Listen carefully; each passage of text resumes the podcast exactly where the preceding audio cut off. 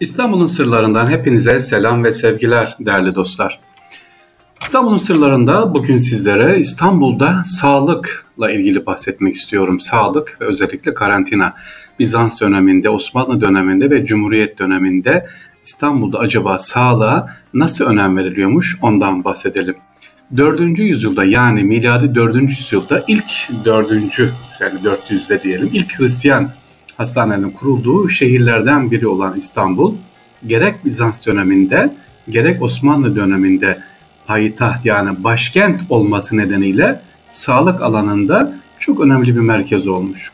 6. yüzyıla tarihlenen Aziz Simpson ve 11. yüzyılda hizmete giren Anakrotur hastaneleri dünya hastanecilik tarihinde önemli bir yere sahip. Şimdi diyeceksiniz ki dünya hastanecilik tarihinde 6. yüzyıl ve 11. yüzyılda en önemli hastane neresiymiş? Neresiymiş? Zeyrek Camii. Bugün gittiğimiz e, Molla Zeyrek Camii var ya sevgiliciler orası Bizans döneminde de önemli bir sağlık merkeziymiş efendim. Özellikle İstanbul'da Bizans döneminde sevgiliciler veba salgınları söz konusu olduğunda Justinian, İmparator Justinian e, vebanın olması sebebiyle İstanbul'a özel bir önem verir ve Bizans döneminde Cüzzam Hanesi, Osmanlı döneminde de Üsküdar Cüzzam Hanesi kurulur burada İstanbul'da. Bir tanesi Aksaray'da, şimdiki Aksaray bölgesinde, diğeri de Üsküdar'da kurulur. Yani hem vebaya hem de cüzzama bakın biladi 6. yüzyılda çok önem veriliyor. Bizans döneminde ilk Hristiyan hastanelerine baktığımız zaman sevgili dinleyiciler özellikle ilk Hristiyan hastane o dönemde Urfa'da, Kayseri'de, Sivas'ta yapılmış. Sonra da İstanbul'da kuruluyor. İstanbul'da faaliyete geçen hastanelerin en önemli özelliği nedir? Aman diyeceksiniz ki o dönem tabii sarayda yakın işte Bizans sarayında zenginler, elitlerin kullandığı. Hayır, özellikle yoksulların kullanması için sığınma evi nitelindeki hastaneler ön plana gelmiş. Yani klinik düzeyde hastaneler ön plandaymış. 11. yüzyıla kadar İstanbul'da hemen hemen her semtte böyle kiliselerde sevgiliciler klinik düzeyinde ya da şimdi ne diyoruz şifa evi gibi e, yapılıyormuş o zamanlarda İstanbul'da sağlık konusunda çok önemliymiş. Fransa'da ilk hastaneler 6. yüzyılda açıldığında ilk İslam hastanesine baktığımız zaman Emevi halifesi El-Velid tarafından 707 yılında kurulmuş sevgiliciler. Ee, Bizans dönemi İstanbul hastaneleri ise daha önemli, daha erken kurulmuş. İstanbul'da dediğim gibi hastanelerin özel bir önemi yeri var. Osmanlı döneminde sağlıkla ilgili bütün uygulamalar İstanbul'da başlayıp gelişiyor. Yani sağlık işlerinin başı olan hekim başılık makamı devletin yönetim merkezi Topkapı Sarayı'ndaydı. Sağlık Bakanlığı nerede derseniz Sağlık Bakanlığı Topkapı Sarayı içerisinde. İlk belediye sağlık teşkilatı yine İstanbul'da kurulmuş. Askeri hastaneleriyle kamu hastaneleri ve eczanelerin tarihi de yine İstanbul'da başlıyor. Ülkeyi dışarıdan gelebilecek salgınlara karşı korumak amacını güden karantina idaresinin merkezi de İstanbul. İşte bütün vilayetlerde ortaya çıkan salgın ve bulaşıcı hastalıklarda da mücadele İstanbul'dan yönetilmiştir. Şimdi diyeceksiniz ki İstanbul İstanbul niye? Çünkü imparatorluğun başkenti Bizans döneminde, Osmanlı döneminde de yine aynı şekilde İstanbul başkent sevgiliciler.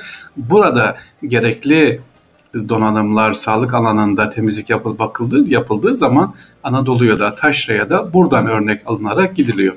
İstanbul'da özellikle tıp eğitimine çok önem veriliyor. 425 yılından itibaren ilk Bizans Üniversitesi evet 425 yılında ilk Bizans Üniversitesi kuruluyor. Bizans hastaneleri.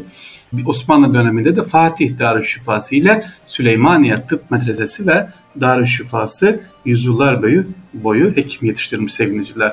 1827 yılında açılan Fani Amire zaman zaman geçirdiği değişikliklerle yenilenip eğitimin hiç ara vermeden İstanbul Tıp Fakültesine dönüşmüş. Ankara Üniversitesi Tıp Fakültesinin ilk mezunlarını verdiği 1950'li yıllara kadar Türkiye'nin bütün hekimleri nerede yetişmiş değerli dinciler? İstanbul'da yetişmiş.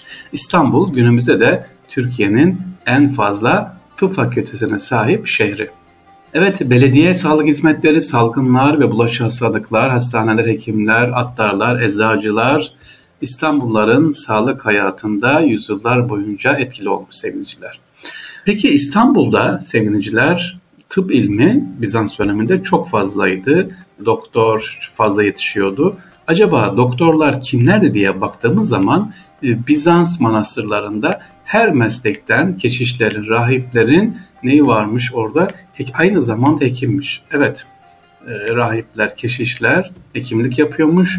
Manastırlardaki rahip hekimlerin e, dışarıda zaman zaman hatta yasaklanmış dışarıda çalışıyorlarmış. Özellikle Bizans döneminde yani 1450 Fethiye kadar manastırlarda, kiliselerde bir nevi klinik görevi görüyormuş. Oradaki keşişler ya da çalışanlar aynı zamanda alanında kendilerini ne yapmışlar? Yetiştirmişler. Bugün İstanbul'da bulunan sevgiliciler Fetih'ten önce, Fetih sonrası Bodrum Camii, Mesih Paşa Camii, orası Laleli civarındaki ve Sarayburnu'ndaki Aziz Georgius manastırları rahip hekimler e, yetiştiren bir aynı zamanda kilise ve e, manastırmış.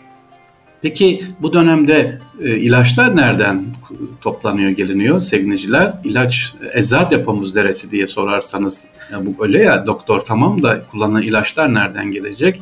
E, Bizans döneminde Gülhane Parkı'nda özel bitkileri yetiştiriyor, şifa bitkileri ve bugün Tarapya dediğimiz o bölge var ya Tarapya oradan da seviniciler İstanbul'un e, eczat deposu olarak ne yapıyor? Yetişiyor.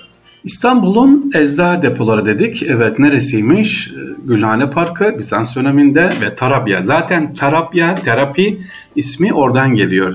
Ee, hem havası temiz, güzel, Emirgan tarafları ve Tarabya, Tarabya Otel'in bulunduğu yer. Oralarda özellikle akciğer, nefes darlığı çeken hastaların gittikleri yerlermiş sevgiliciler. Bir özellik de sarımsak. Bakın İstanbul'da sevgiliciler en fazla ilaç için kullanılan maddeler arasında birinci sırada soğan, sarımsak geliyor. Ve reçetelere neler yazılıyor? E, Bizans döneminde özel halk için yazılan reçete üzüm, ayva, nar, e, çoban yastığı, susam, badem, maydanoz, dereotu, soğan, sarımsak dediğim gibi bunlar mutlaka her evde bulunması gereken sebze ve meyvelermiş. Bunlar özellikle kullanılıyormuş. Bunların terkipleri nasıl yapılacağı. İstanbul'da sağlık konuşuyoruz sevgiliciler. Özellikle İmparator Konstantin 1055'te tahta çıktıktan sonra Nikris'e yakalanmış. Yani dizleri şişiyor.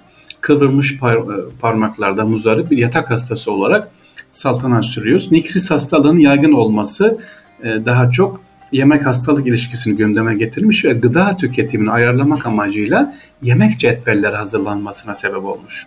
Yemek cetvellerinde mevsimlere göre yiyeceklerin miktarları, banyolar ne zaman yapılacak bunlar yer almış. Yine İmparator 8. E, Mikail döneminde tanınmış hekimlerinden Demetrios Pegamos ise Nigris hakkında bir kitap yazmış sevgiliciler. Ve kaplıcaların bazı hastalıklar olumlu etkisi var. Onlardan da ha, nerede çıkmış o zaman İstanbul'a bağlı olan Yalova. Evet Yalova kaplıcaları Bizans döneminde de Osmanlı döneminde de neymiş? Çok çok önemliymiş sevgiliciler.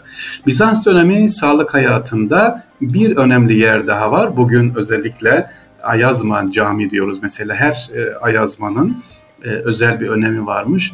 Ayazmalar Hz. İsa Aleyhisselam'ın vaftizinin anısına adanan sular ya da su kaynakları ama Ortodokslar bu suları içmek veya bedenlerine sürmekle dertlerinden ve hastalıklarından kurtulacaklarına inanıyorlarmış. Bununla ilgili İstanbul'da 150 tane ayazma tespit edilmiş. Bugün de hala İstanbul'da bu ayazmalar var. En ünlüsü ve sağlık bakımından en önde gelen ise Yedikule'deki Balıklı ayazmasıdır.